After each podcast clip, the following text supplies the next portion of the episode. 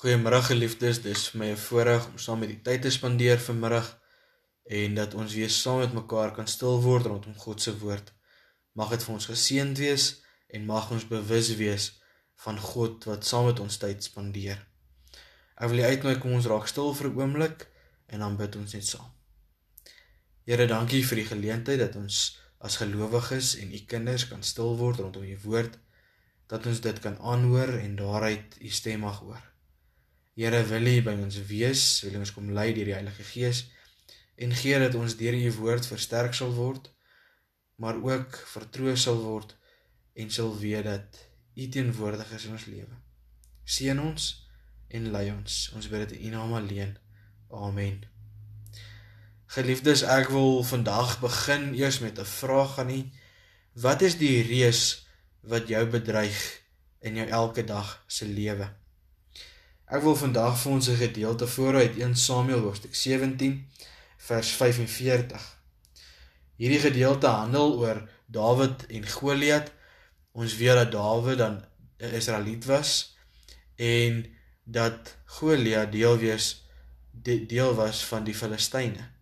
Kom ons hoor saam wat staan in vers 45. Maar Dawid sê vir die Filistyn Jy kom na my toe met 'n dolk en 'n spies en 'n swaard, maar ek kom na jou toe in die naam van die Here die Almagtige, die God van die linies van Israel wat jy verkleineer het.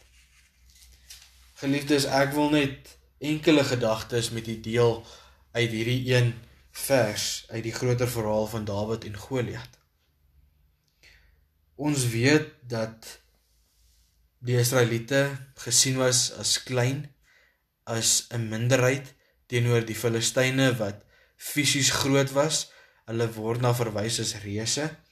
Daarom ook Goliat wat 'n reus was waarmee Dawid dan in kontak gekom het.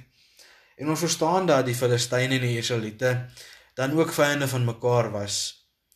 En as ons bietjie nadink oor die verhaal, dan was Goliat die verteenwoordiger van die Filistyne En daar was op 'n kol die vraag wie sou die Israeliete verteenwoordig um, in hierdie stryd van vyandskap tussen die twee volke. En Dawid wat dan as 'n klein persoon opgestaan en gesê het ek sal die Israeliete verteenwoordig en om hierdie reus Goliat te verslaan. En dan 'n verdere vraag wat ek vir u wil vra is wie is ons, my en u wapen tot oorlewing in ons lewe elke dag.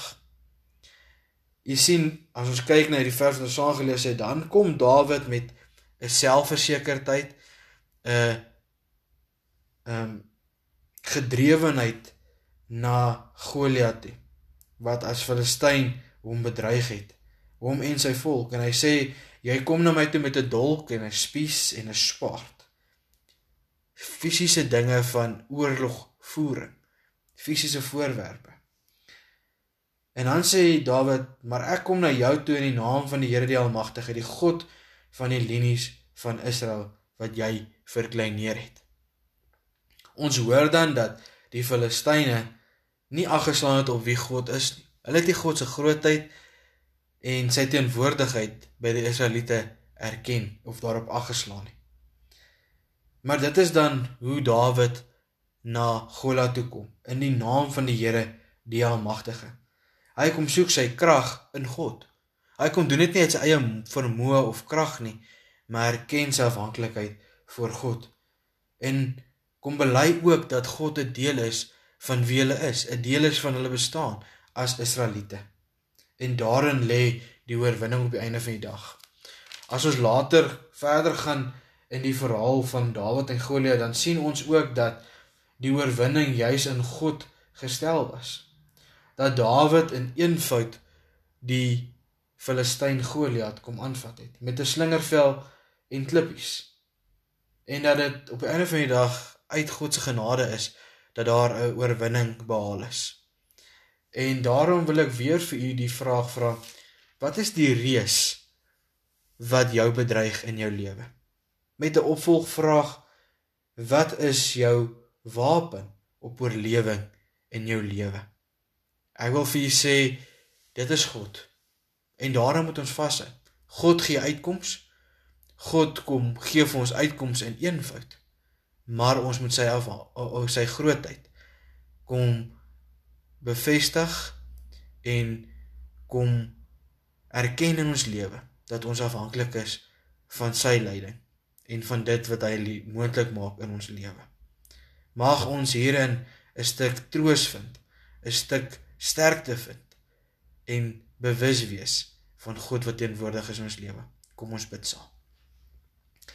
Here, dankie dat ons kan weet dat dit wat ons in die lewe bedreig, die reëse Here, nie 'n reus is vir U nie. Dat U groter as is dit en dat ons daarin kan kom troos en rustigheid vind omdat ons weet Here, ons is afhanklik van U en U sal ook uitkomste moontlik maak. Dalk nie soos wat ons dit verwag of daarna uitsien Here, maar baie keer op 'n baie eenvoudige manier omdat U ons kom lei deur die Heilige Gees. Wil U gee Here dat ons aan U sal vashou in die naam van die Here, die Almagtige, dat ons daarin ons sterkte sal kom soek. Dat ons daarin ons vrede sal kom soek. Omdat ons weet U sal ons ook die krag gee om te weerstaan dit wat ons bedreig elke dag. Here kom hou ons veilig, kom bewaar ons, kom omvou ons met u hand van liefde. Kom gee Here dat ons nie moedeloos sal raak nie, maar sal vashou aan die hoop wat daar is in die Seun Jesus Christus. Dat ons sal weet Here, u het reeds alles in die lewe oorwin en dat ons as oorwinnaars kan gaan leef uit die stryd wat ons voer elke dag.